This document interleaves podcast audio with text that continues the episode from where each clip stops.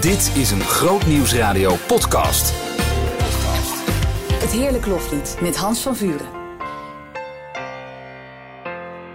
Podcast van oktober 2021. En ik begin maar gelijk maar even met excuses. Er zijn honderdduizend redenen aan te voeren waarom deze podcast niet op tijd is, maar uh, hij is er. En dat is het belangrijkste.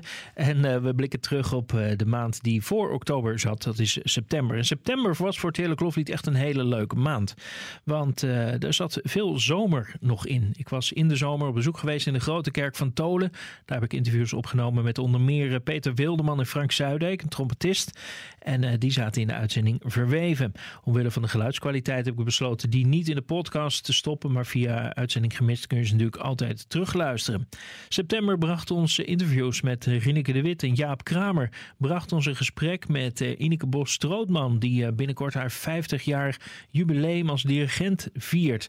Ja, en ook ehm, Bastiaan Stok heeft zichzelf nader voorgesteld. In deze podcast gaan we luisteren naar de gesprekken die ik had met dirigent Hans van Blijderveen. We spreken dan over het Krimpens Mannenkoor. En uh, we gaan ook uitgebreid in gesprek met violiste Chloe Elsenaar. Verderop in de podcast natuurlijk ook een uh, muziekstandaard rubriek. En uh, die muziekstandaard rubriek wordt vandaag en in de podcast gevuld door Wouter Harbers. Maar eerst naar Hans van Blijderveen. Er gaat geen week voorbij of het Krimpens Mannenkoor is wel ergens in een uitzending op Grootnieuwsradio te horen. Nou zijn er door de jaren heen ook heel wat schijfjes van de mannen volgezongen. En vanavond spreek ik over dit koor met dirigent Hans van Blijderveen. Hans, een hele goede avond. Goedenavond. Het is een mannenkoor, dat zegt de, de naam al. Maar als je die mannen nou zou moeten beschrijven, om wat voor club hebben we het uh, hier? Ja, het is inderdaad een mannenkoor, heel duidelijk. Um, een club um, gemotiveerde uh, mannen die, die graag um, willen zingen. Die, die um, echt iedere, iedere week naar, um, naar de Rehobothkerk in Krimpen komen. Om met elkaar te zingen en de nieuwe liederen in te studeren. Dat is wat, ze heel graag, wat ze heel graag doen. Hoe, ja. hoe zie je die motivatie? Als, je noemt ze bewust gemotiveerd. Waar, waar uitzicht dat in? Dat uitzicht um, um, vooral in het feit dat ze er um, eigenlijk altijd zijn. Hè, het grootste gedeelte van de mannen die is er. En als ze een keer uh, niet kunnen, dan vinden ze dat zelf ook heel erg. Dat geven ze ook, uh, geven ze ook aan. Ja. En ook de, de manier van repeteren, dat zie je wel eens anders op andere koren. maar ze zijn heel gemotiveerd in het studeren, het meedoen. een, een, een een fijne club mannen. En dat meen ik oprecht. Ja. ja. Jij bent al sinds uh, 1994 uh, betrokken bij dit uh, koor. Dat, dat klopt, is echt ja. al een hele tijd. Ja. wat houdt jullie bij elkaar? Um, wat houdt ons bij elkaar? Um, ik, ik ben voor mijn gevoel nog lang niet klaar met dit koor. Mm. je moet je voorstellen, toen ik in 1994 uh, uh, daar kwam, was het een heel ander koor als dat ik nu heb. Um, en dat bedoel ik niet um, om uh, mezelf een schouderklopje mee te geven. Um, maar toen ik daar kwam, was het een koor. en dat vind je ook wel terug op de site volgens mij. die zongen psalmen en geestelijke liederen. Dat was het. Nederlandstalig, en ja. dat was het uh, van uh, zo'n beetje. Mm -hmm. En in de loop der jaren hebben we dat repertoire zo uit kunnen breiden. En uh, is ook de, de kwaliteit van het koor zo veranderd. Um, Um, daar, daar, daar, daar, mogen wij als koor best een beetje uh, trots op zijn. Ja. Um, en voor mijn gevoel ben ik daar nog lang niet klaar mee. Nee. En ik vind een mannenkoor ook wel um, heel fijn om te doen. Het is een heel andere club dan een gemengd koor. Ja, ja. Dat ligt natuurlijk niet aan die vrouwen, maar... Maar de afwezigheid ervan. De, de, ja.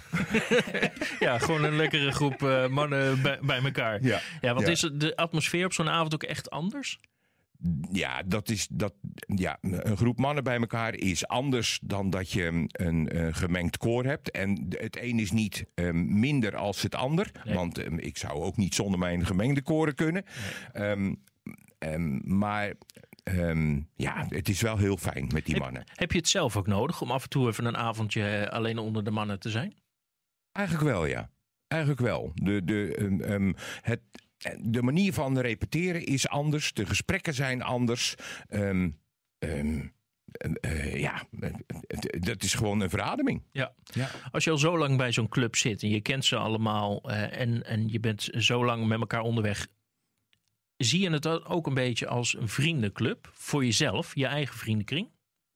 Ja, um, um, het is een, een, een uh, ja, vriendenclub is misschien, dat gaat er misschien een beetje te ver. Een kennisclub, maar um, de, um, het is niet dat we bij elkaar op de verjaardagen komen. Dan wordt dat in deze tijd sowieso een beetje lastig. Maar de, zo ligt het niet. Mm -hmm. Maar het is wel een hechte groep. Ja. Um, die ook, um, tuurlijk, we zingen met elkaar, um, maar we dragen ook lief en leed met elkaar. En daar is altijd, iedere repetitie is daar weer aandacht voor. Dus ja, als, als je een vriendenclub zo wil noemen, dan is het wel een vriendenclub. Ja. ja. Nou zei je al net iets over de verbetering van het koor sinds je daar uh, begonnen bent. En ja. natuurlijk, het is hartstikke lastig om een analyse op je eigen koor los te laten. Ja. Maar laten we het toch proberen. Wat is nou wat is er echt veranderd sinds, uh, sinds dat je daar begonnen bent, uh, halverwege de jaren 90? Nou, laat ik um, in de eerste plaats uh, beginnen met um, de, de kwaliteit van het koor. Ik ben um, van oorsprong geen dirigent. van oorsprong ben ik meer van het zingen. Niet van het dirigeren, maar van het zingen. Mm. En het voordeel daarvan is, kijk, als dirigent heb je um, kennis van koordirectie nodig, maar je hebt ook heel duidelijk kennis van zingen nodig. Hoe, um, hoe laat je de mensen op een, op een goede manier en op een mooie manier uh, gebruik maken van hun zangstem? Um, en dat heb ik uh, meegekregen. Um, um, ik heb vroeger altijd zanglessen gehad van Trudy Koeleman in Dordrecht. En dat heb ik ook voor een stuk over kunnen brengen aan mijn koorleden. Mm. En daardoor zie je dat de, de klank van Krimpen tussen nu en 1994 heel sterk is verbeterd. Vind ik zelf. Ja. Um, daarbij komt ook dat um, het repertoire veel uitgebreider en groter is geworden. Um, ja, hoe, hoe, moet ik dat zeggen? Als, je vroeger, als je het vroeger had uh, over een opwekkingslied, nou dan was dat, dan was dat nou dan. Want dat, dat kon natuurlijk helemaal niet. Nee. En ik heb toch geprobeerd, ook met die club mensen, mannen, om. Um, de, de, dat soort liederen, opwekkingsliederen, evangelische liederen, um, te koppelen aan uh, bijvoorbeeld uh, de psalmen. En dan zie je toch dat er van lieverlee een kentering komt. Um, je ziet ook dat um, mensen met meer um, gemak en ook liefde een Engelstalig nummer gaan zingen. Ja. Um, en ja, die verandering um, is, ja, heeft wel plaatsgevonden in al die jaren op zo'n repetitieavond, dat je bijvoorbeeld zo'n opwekkingslied uh, erbij pakt. Ja. Gaan jullie dan uh, ook met elkaar naar de inhoud kijken en zeggen van hé, hey, wij denken dat deze psalm en deze, dit opwekkingslied bij elkaar passen, want inhoudelijk? Of? Ja, we, um, we, gaan daar niet over in discussie tijdens de repetitie, want nee. is de repetitie niet voor bedoeld. Maar ik probeer dat altijd wel uit te leggen waarom dat ik dit lied gekoppeld heb aan die psalm. Mm. Of, of waarom dat ik twee liederen aan elkaar uh, gekoppeld heb. En dat, dat, dat doen we niet altijd um, zo, hè, dat we verschillende liederen bij elkaar doen. Um, maar om een voorbeeld te noemen, um, um, 10.000 redenen en Psalm 103 bij elkaar zetten, loof de Heer. Um, ja, dat, dat, dat, is wel, dat is wel mooi. En als je dat op die manier ook naar je leden toe kan uitleggen, dan wordt dat wel heel erg gewaardeerd. Ja, dat zijn allebei vrij lange liederen. Wordt het dan een heel erg lang lied of pak je elementen eruit? Um, soms wordt het wel, nou pak ik precies de goede natuurlijk. Um, um, 10.000 reden in Psalm 103. En dan doen we niet alle coupletten van Psalm 103. Nee. in dit geval alleen maar het eerste couplet volgens mij. maar soms wordt het wel eens wat langer. Ja. ja. En daar moet je wel weer in, uh, dat moet je wel weer in de gaten houden. Ah, ja. Maar tijdens optreden is dat ook uh, prima natuurlijk. Ja, ja, ja zeker. Ja. Hey, nou, zag ik op de website stond de biografie en je zei al, eigenlijk heb ik, ben ik zanger natuurlijk van, van de oorsprong. Zang uh, was mijn eerste interesse. Ik ja. zie dat je wel een enorm regiment aan cursussen directie hebt gedaan. Ja. Is het zo'n moeilijk vak? Nou ja, het is, het is um, um, ik, ik vind het niet een moeilijk vak, maar je moet er wel kennis voor hebben. Ehm, misschien heb ik het net niet helemaal goed gezegd, maar eigenlijk is mijn, mijn oorsprong is het orgel. Wij hadden vroeger een harmonium staan en daar leerde je het op. Ja. Ehm, wij gingen vervolgens naar de koren van de kerk. Begon met kinderkoor, later mannenkoor en gemengd koor. En ehm, toen kwam er op een gegeven moment iemand en die zei tegen me: Joh, jij kan wel aardig, eh, jij kan wel aardig zingen. Ik heb een koor voor je, die zoeken een dirigent in Werkendam. Ja, maar dat, dat ken ik helemaal niet. En ja, maar dat moet je toch maar eens gaan proberen. Nou, zo ben ik in die koorwereld terechtgekomen. En op, op het moment dat je dat gaat doen. ehm, stuit je ook al snel tegen je eigen problemen aan. Hè? Tegen je eigen onkunde aan. En ja, ik had een zangtechnische achtergrond. En dat kon ik heel goed gebruiken om die koorleden te motiveren om, om dat ehm, ook te verbeteren. Maar ja, ehm, directietechnisch was het natuurlijk eh, een, een blamage. En ik, ik was er al heel gauw achter. Ja, ik moet, ik moet daar wel wat aan gaan doen. Want anders dan komt het niet goed. Ja. En uiteindelijk, maar doe je meerdere van dat soort cursussen? Leer je dan steeds weer, toch ook weer nieuwe, krijg je nieuwe inzichten? Ja, zeker. Zeker. Ik ben ooit eh, begonnen met. ehm, je had binnen ons. Ik was toen lid van de Gereformeerde Gemeente in Dordrecht. En je had binnen de Gereformeerde Gemeente Nederland. had je ehm, een, een, een, een directiecursus. Ehm, die ben ik ehm, ooit eh, gaan doen. Dat was een tweejarige cursus. Ehm, en vervolgens ehm, wilde ik toch wel wat eh, verder. Ook omdat het repertoire ehm, van Lieverlee ehm, wat ingewikkelder werd. Ehm, toen heb ik nog even wat koordirectielessen gevolgd bij Aad Vos. Dat was een, een eh, Dordtse dirigent. En daarna ben ik bij ehm, Joop Schets terechtgekomen van eh, de IDA directie, ehm, eh, hoe heet het, hogeschool ehm, koordirectie. Ehm, en heb ik daar gestudeerd. En ehm, ja, ik kan dat iedereen aanraden om, om dat te doen. Want dirigent is niet alleen maar een beetje de maat slaan. Nee, het is, eh, het is meer dan dat. Veel meer, veel Ja. meer. Ben je uitgestudeerd nu? Nooit, Nooit. nooit, nee. Nee. Hey, eh, nou zag ik, eh, ik, ik was op de website om de biografie te lezen, maar ook om even de foto te bestuderen die daarop staat eh, van het koor. En ik zie dat jullie, ik heb het mooi omschreven als een stralende groep mannen met een rijke levenservaring. Maar hier en daar ook een wat jonger koorlid. Ja. Hoe, hoe, hoe goed lukt het om een jonge aanwas te vinden? Nou, het is, over het algemeen is het lastig voor ieder koor, denk ik, ehm, om jonge aanwas te krijgen. Maar zeker voor, ehm, voor dit soort eh, koren. Ehm, wat geholpen heeft, is om het repertoire wat te vernieuwen. En, en met name dan ook dat soort liederen als 10.000 redenen, ik zal er zijn. eh, nou ja, noem ze allemaal maar op. Je ziet dan gelijk dat mensen zich opgeven. Meestal na een uitvoering. Ja. Dan, eh, dan horen ze dat en, en ja, dan zijn er toch bij. Die, ja, dat, is, dat is toch wel leuk. Ehm, je moet elkaar motiveren, hè, want om nieuwe leden te krijgen heb je de oude leden nodig die, die enthousiast zijn. Als je leden niet enthousiast zijn, dan komen er ook geen nieuwe leden. Nee. Ehm, en, maar ja, goed, dat, dat zijn die mannen wel. Ja. Alleen, ja, we leven momenteel in een tijd ehm, dat het lastig is om nieuwe leden op je, op je vereniging te krijgen. Ja. Je zei net, ik ben nog lang niet klaar in, eh, in Krimpen. Nee. Waar, waar wil je nog heen met ze? Laten we zeggen in de komende jaren. Nou, ik zou, ik zou ehm, een, eh, kwalitatief zou, ik- eh, zou ik het nog meer ehm, willen uitbreiden. Ik zou nog wel weer wat groter willen worden. Want we hebben ooit de 100 eh, leden aangestipt. Ehm, en dat is nu wel weer teruggezakt naar ongeveer 60.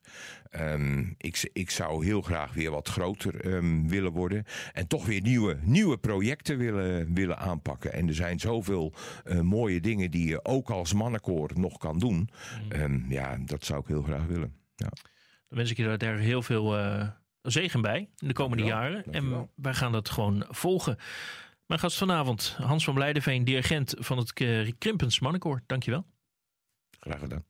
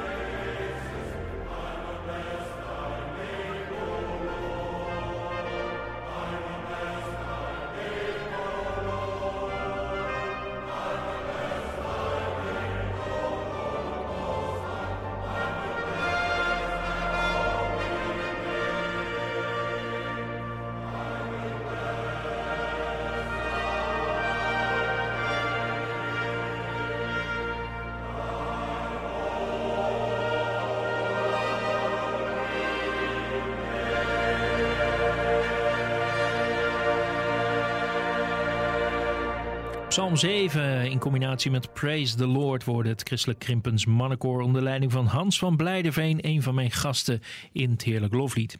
In diezelfde periode had ik een uitnodiging gestuurd naar uh, violiste Chloe Elzenaar. Als je het korenlandschap in Nederland de laatste jaren een beetje gevolgd hebt, dan ben je de naam van violiste Chloe Elzenaar ongetwijfeld tegengekomen. Is het niet in een solorol, dan wel met haar uh, muzikaal ensemble Cavano. Vanavond is Chloe mijn gast. Chloe, een hele goede avond. Goedenavond. Ja, om toch eerst maar even de kaders te schetsen. Hoe groot is normaal gesproken de rol van uh, koormuziek in jouw muzikale agenda? Nou, toch wel vrij groot. Um, ja, als ik ongeveer een... Um, kan zeggen, nou, ik denk de helft. De helft van wat ik doe is uh, met koren. Ja. Ja. Is dat ook, heb je dat zo zelf gedaan of is dat zo? Dat is eigenlijk zo gegroeid, ja, in de loop van de tijd. Um, het begon, uh, ik denk, uh, een jaar of uh, zeven, acht geleden. Dat ik daar echt voor het eerst mee in aanraking kwam. En van het een kwam het ander eigenlijk. Ik vond ja. het leuk, dus ik wilde daar graag in verder. Ja. En, uh, ja. Nou, laten we naar dat punt uh, zo dadelijk ook even toe gaan. Maar laten we even helemaal chronologisch uh, correct blijven. Helemaal naar het begin. Wat was voor jou de trigger om te zeggen: hey, viool, dat is misschien interessant voor mij? Ja, nou, toen was ik vijf jaar. Um, en ik denk dat ik ergens van iemand heb gehoord hoe mooi een viool kan klinken. Um, bij ons in de kerk werd wel eens viool gespeeld. Maar wat precies de aanleiding is, weet ik nog steeds niet. Hmm. Um, maar wel dat ik op een gegeven moment door de kamer aan het dansen was met een, uh, een speelgoedgitaartje onder mijn nek. In plaats van uh, zoals die bedoeld is. Ja, ja, ja. En een drumstokje eroverheen. Oh. Dus uh, dat, klonk, dat klonk natuurlijk niet mooi. maar toen dachten mijn ouders wel van, oh, laten we haar op een proefles viool, uh, laten we haar een proefles viool geven en kijken hoe ze dat vindt. Toen je vijf was al? Ja, nou toen ben ik op de lijst gezet. Toen moest ik nog even wachten. Toen ik net zes was, toen begon ik uh, met lessen. En uh, ja, ik ben niet meer opgehouden eigenlijk. Ja. Heb je wel eens van die momenten, ik bedoel iedereen raakt op een gegeven moment in de puberteit en dat je denkt, oh, waarom speel ik eigenlijk viool? Nou, eigenlijk niet. Nee, nee. Ik, ik, ik hield van uh, studeren, van oefenen thuis. Uh, ik kon ei, mijn ei erin kwijt. En het was eigenlijk, ja, het bleef gewoon mijn ding en uh, mijn uitlaatklep. Mhm. Um, toen ik op de middelbare school zat, toen heb ik natuurlijk wel serieus nagedacht van wil ik hier wel echt in verder? Ga ik hier echt mijn werk van maken of wil ik het als hobby houden? Ja. Maar nooit van ik wil die viool aan de kant leggen. Nee. Vond ik, wat vonden klasgenoten ervan dat jij viool speelde? Um, nou, soms wel een beetje gek dat ik daar zoveel tijd aan besteedde. Helemaal um, op de basisschool. Ja, want ik was toen ook al best wel serieus bezig, al van kleuter af aan. En uh, nou ja, ik ging elke week uh, naar Zwolle, naar, uh, naar vioolles. Nou, dat was een half uur rijden. En dan de andere dag ging ik naar orkest, ook in Zwolle. Dus ik was gewoon veel tijd mee kwijt. En dan moest ik ook wel feestjes afzeggen of kon ik ook wel eens dingen niet doen. En dat, uh, ja, dat snapten ze niet altijd allemaal. Nee. nee. nee. Je vertelde uh, op de middelbare school heb je wel nagedacht over de vraag: is dit iets wat ik, uh, wat ik wil? Uh, uiteindelijk heb je keuze gemaakt voor het conservatorium. kun je ons meenemen in die gedachtegang? Hoe, hoe kwam je ertoe om te zeggen: dit wordt hem? Ja, um, dat was eigenlijk toen ik in 5 VWO zat. Toen begon ik echt na te denken van wat wil ik hierna? En wat wordt mijn vervolgstap? Um, en in datzelfde jaar deed ik mee met het Prinses Christina concours. Um, ik, had, ik deed heel vaak mee met concours gewoon om, om een doel te hebben waar je naartoe speelde. En dat vond ik lekker. En uh, nou, meestal kwam ik niet veel verder of kreeg ik een aanmoedigingsprijs of een, uh, een eervolle vermelding, maar altijd net niet. En, en toen ik um, dat jaar meedeed, toen uh, kwam ik wel in de finale of in de, in de regionale finale. Mm -hmm. En toen mocht ik naar het landelijke halve finale. En daaruit uh, voort kwamen een aantal andere concerten weer. Um, en in diezelfde periode um, viel ik voor iemand in bij een koor van Jan Quinten Zwart. Ik kende hem niet, maar ik dacht leuk, mm -hmm. gaan we doen. Dus uh, toen, toen uh, weet ik nog dat hij zei van ik zag jou binnenkomen en ik had je net vanochtend in de krant gezien. en toen was ik dus in de krant gekomen, omdat ik die prijs had gewonnen. Ja. Um, en zodoende ben ik daar ook een beetje in dat jaar ook in die korenwereld terechtgekomen door Jan Quintus Zwart. Ehm, in de klassieke wereld ging het ook, eh, kreeg ik ook concerten. En het ging opeens allemaal ja, best wel goed. En ik dacht, ik hou geen tijd meer over voor school. Ehm, en toen heb ik de keuze gemaakt in dat jaar van... ehm, ja, dit vind ik ook wel heel erg leuk. Toen heb ik, had ik er een beetje aan geproefd hoe dat kon zijn... om echt te leven van de muziek. En toen dacht ik, ik ga er gewoon voor. En ook al eh, neemt het, eh, ja, heeft het risico's... brengt het risico's met zich mee. Ja. Ik ga het gewoon proberen. Ja. Ja. Nou, nou zei je, ik had nog nooit van eh, Jan Quintus eh, gehoord. En die, die koren, dat was eigenlijk ook nieuw. Ehm, is dat echt heel anders om bij een koor te spelen in plaats van in bijvoorbeeld een jeugdorkest? Ehm, ja, Eh, wat ik het grootste verschil vind, denk ik, is dat bij met een jeugdorkest, dan, dan oefen je gewoon elke week. En dan, dan, dan weet je gewoon helemaal wat je moet doen en hoe het concert gaat verlopen. Bij een koor ehm, zijn er gewoon minder repetities. Ehm, en dan moet je gewoon flexibeler zijn. En dat, dat vind ik heel erg leuk. Ehm, inspelen op het moment. En heel veel verschillende dirigenten die je, waar je op moet spelen. Wat gewoon hele grote verschillen met zich mee kan brengen. Ehm, ja, en dat, dat, dat vind ik heerlijk, die afwisseling. Dat het niet allemaal strak...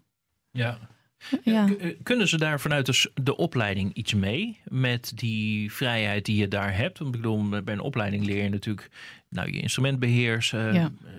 Ik neem aan, op hoofdlijnen eh word je eh, voorbereid op een klassiek eh, bestaan. Ja. En dan opeens zit je op een avond geestelijke liederen te spelen met vrijheid en improvisatie. Kunnen ze daar met de opleiding, kunnen ze daar wat mee?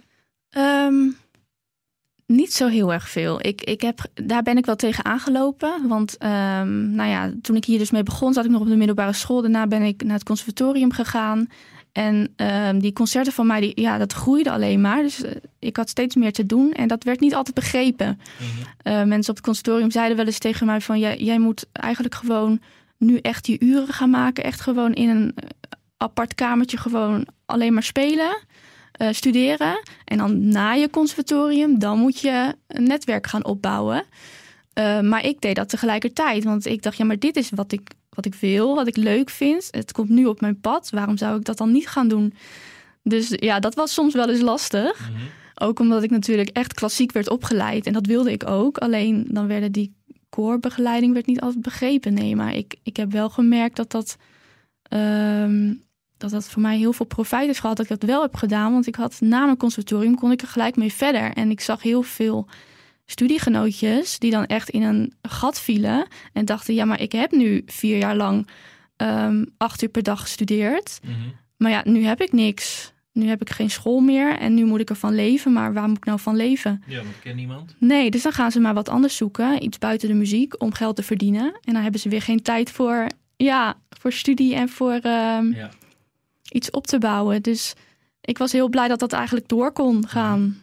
Is er veel overlap eigenlijk met klassieke muziek en ehm koorrepertoire? Ehm, ja, vind ik wel. Ja. Ehm, natuurlijk eh, wordt er, worden er in koren ook wel echt klassieke stukken gezongen. Ehm, en eh, ik denk dat die combinatie ook wel heel mooi is. Er zijn vaak, als je een koorconcert hebt, zijn er vaak eh, van die intermezzo's. Dus dan is het koor even stil en dan gaan de instrumentalisten gaan samen wat spelen. Ja. En volgens mij is het heel mooi om daar juist iets klassieks te spelen, zodat mensen echt even gedachten kunnen laten gaan en eh, zelf verhalen kunnen invullen, zeg maar, wat ze bij de muziek voelen en denken. Hey, over voelen en denken gesproken. Eh, Misschien een beetje een persoonlijke vraag. Maar als je nou een avond meespeelt bij zo'n eh, een koor dat alleen maar geestelijke liederen zingt, of grotendeels. eh, in hoeverre doet dat iets met je eigen geloofsleven? Ja, ehm, nou, ik vind dat ten eerste heel fijn om te doen. Ehm, want ik geloof dat ik mijn talent van God heb gekregen. En op die manier, ehm, ja, dat ik, dat ik het ook tot eer van Hem kan gebruiken, mijn talent. En ehm, natuurlijk met geestelijke liederen, dan, dan, dan is dat heel erg duidelijk natuurlijk. Hè? Want daar doe ik aan mee en dat, eh, daar sta ik ook achter. Ehm, ja, en dat vind ik alleen maar fijn, heel Ja. fijn om te doen. Ja. En, maar heb je in je hoofd ook ruimte om dat eventueel te beleven terwijl je speelt? Of ben je gewoon heel gefocust op het spelen van de juiste noten? Ja, nou dat, dat ligt er een beetje aan uh, wat voor stuk ik speel. Kijk, als ik echt een hele moeilijke passages moet spelen, dan zal ik meer aan de noten denken dan dat ik uh, um, aan de tekst denk of mijn gedachten laat gaan. Maar zeker, ja, die momenten zijn er zeker dat ik, dat ik denk van wauw, wat is dit toch mooi dat ik dit gewoon als werk mag doen. Mm -hmm.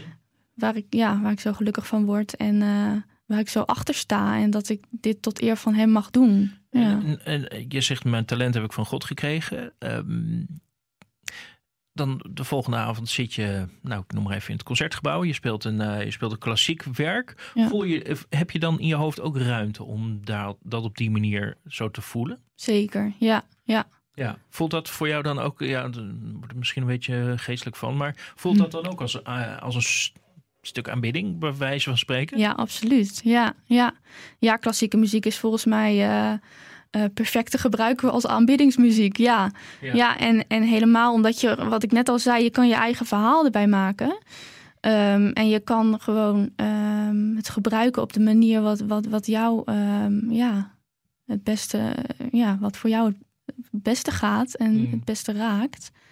Um, en dat, dat, dat is heel persoonlijk. Als je, als je een lied hebt, bijvoorbeeld een, een koorstuk, waar in, in echt een tekst wordt gezongen, dan zal je gedachten vooral die richting opgetrokken of die richting op gaan. Uh, maar bij een klassiek stuk is het gewoon veel breder. Ja, ja. ja. Je zei net, mijn agenda bestaat eigenlijk uit, uit, ook uit uh, nou, combinatie van de ene keer met een koor, de andere keer in een, in een orkest. Heb jij voor jezelf een lievelingsstuk, even, even los van, van beide werelden, heb jij een lievelingsstuk wat je nou, bijvoorbeeld eigenlijk elke dag wel zou willen spelen? Um, nou, elke dag is misschien wel heel veel. maar ik heb wel een stuk wat vaak terugkomt in mijn repertoire of op concerten. En dat is uh, Meditation uit de opera Thais van uh, Massenet. En um, die staat ook op mijn cd. En ja, dat, dat is gewoon een stuk wat, wat door iedereen altijd gewaardeerd wordt. Waar ik zelf ook gewoon het heerlijk vind om dat te spelen. Um, ja. Dus dat mag, dat, dat, mag, dat mag. Dat gebruik ik nog steeds heel vaak, ja.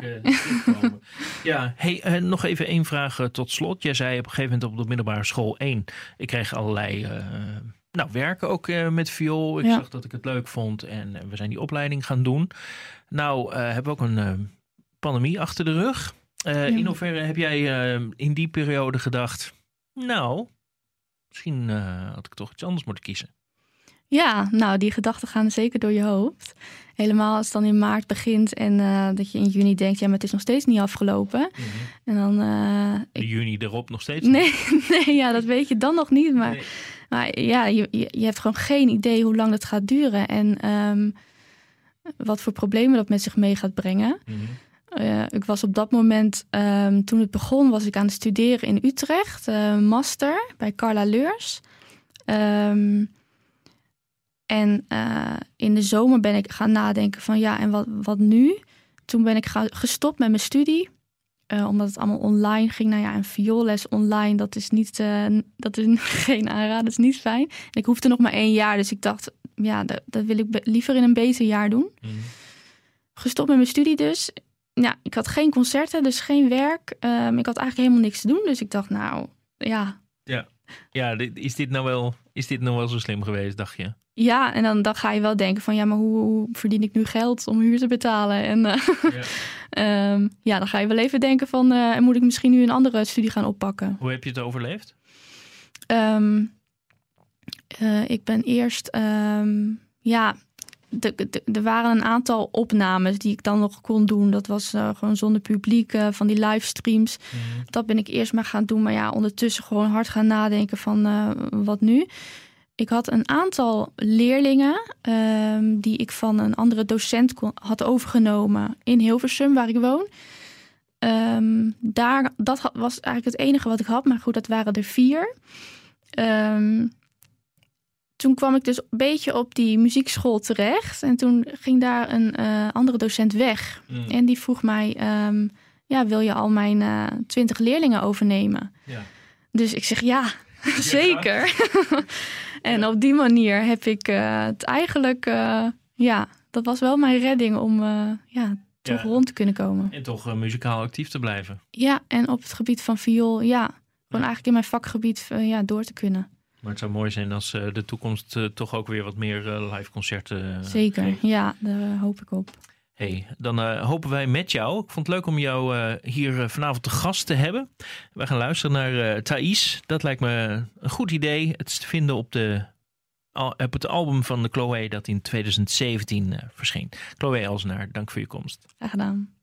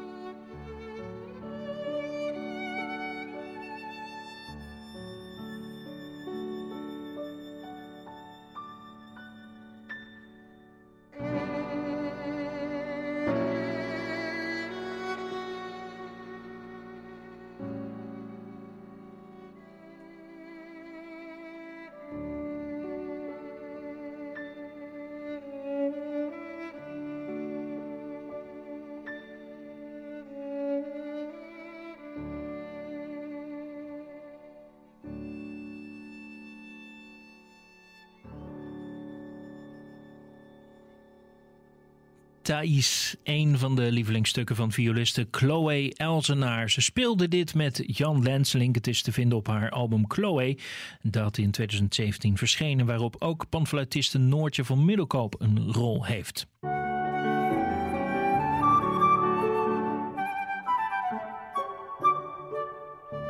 De muziekstandaard. Op de muziekstandaard vanavond muziek van het album Encore. Een album van uh, pianist Wouter Harbers, opgenomen in het concertgebouw van Amsterdam. En uh, wij gaan inzoomen op een uh, stuk met de titel Goldberg Variaties van Bach. Klopt. Ja. ja. nou, jij hebt dit uitgekozen voor vanavond. ongetwijfeld met een hele goede reden. Wat, wat is voor jou het verhaal van dit lied? Ja, de Goldberg variaties zijn geschreven door Johann Sebastian Bach. Um, en het leuke is, um, dat is muziek uit een totaal andere tijd. Dus er zit ook een heel ander verhaal achter. Um, er was namelijk een Duitse graaf, Kaiserling. En die had slaapproblemen. Nou ja, als wij slaapproblemen hebben, kun je natuurlijk een Spotify-playlistje uh, opzetten, uh, oortjes in en je dommelt wel weg. In die tijd uh, ging dat niet. Er bestonden geen geluidsdragers. Dus hij had op zijn slaapkamer had hij een klaversymbol staan. En hij had een eigen huismuzikus. En die had niet geheel toevallig de naam Johann Gottlieb Goldberg. Mm. Nou, Goldberg variaties, Goldberg, dus dat kan geen toeval zijn. En het is waarschijnlijk zo dat Johann Sebastian Bach de Goldberg variaties schreef, zodat uh, die gespeeld konden worden voor onze graaf. En het leuke is, het begint met een heel verstild stuk, de aria.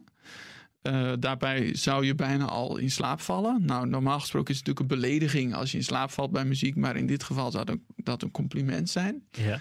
Uh, daarna krijg je 30 variaties, die allemaal op hetzelfde harmonische schema zijn gebaseerd, maar dat doet er verder nu niet zoveel toe. En dan na die 30 variaties, dan ben je ongeveer anderhalf uur verder, krijg je exact dezelfde aria nog een keer. Geen noot veranderd. En het idee is dan waarschijnlijk dat je de, de, tweede keer niet meer meemaakt. Dat je in de tussentijd in slaap bent gevallen. In die ander, heb je anderhalf uur de tijd voor gehad. In die anderhalf uur, inderdaad. Ja. Um, nou, en graaf Keizeling was er ontzettend blij mee. Uh, zo blij dat hij Bach een, uh, uh, een, een, beker gaf met 100 Louis doormunten. Nou, dat was echt een kapitaal voor één compositie. Maar dat is achteraf wel terecht, want het is uh, een van Bach's echte meesterwerken. Nou ja, mocht er nog een van de luisteraars zo'n bekertje thuis hebben staan, dan hou ik me natuurlijk aanbevolen, dat snap je. Ja. ja. nou heb jij niet een compositie van anderhalf uur uh, op je album gezet. Welk gedeelte uit dat uh, hele fragment heb je genomen? Ja, klopt. Ik heb de opening genomen, die prachtige aria, en dan de eerste variatie. Dat is ook meteen een van de moeilijkste variaties. Um, als luisteraar zou je juist bij die variatie uh, wakker schrikken, denk ik, als je bij de aria in slaap zou zijn gevallen. Maar dan moet je even in je achterhoofd bedenken dat het muziek is geschreven oorspronkelijk voor klaversymbol. En op een piano kun je heel duidelijk verschil maken tussen zacht en hard. Hmm. Op een klaversymbol is eigenlijk alles ongeveer even hard. En dan heb je alleen een verschil tussen langzaam en snel. Um, dus uh, ja, en ik heb niet de hele Goldberg gedaan, maar dan zou ik, uh, zou ik maanden nodig hebben om te studeren, want het is echt hondsmoeilijke muziek. Um, en omdat ik natuurlijk heel veel andere muziek ook op dit album wilde nemen. Maar ik hoop dat de luisteraars lekker weg kunnen dromen bij die prachtige aria. Ja, ja wel wegdromen, niet in slaap vallen. Maar uh, mooi. De Goldberg variaties te vinden op het album Encore van Wouter Harbers. Met een mooi verhaal van, hoe heet de graaf ook alweer? Graaf Keizerlink. Keizerlink. Nou, weer wat geleerd vandaag. Dankjewel, Wouter Harbers. Graag gedaan.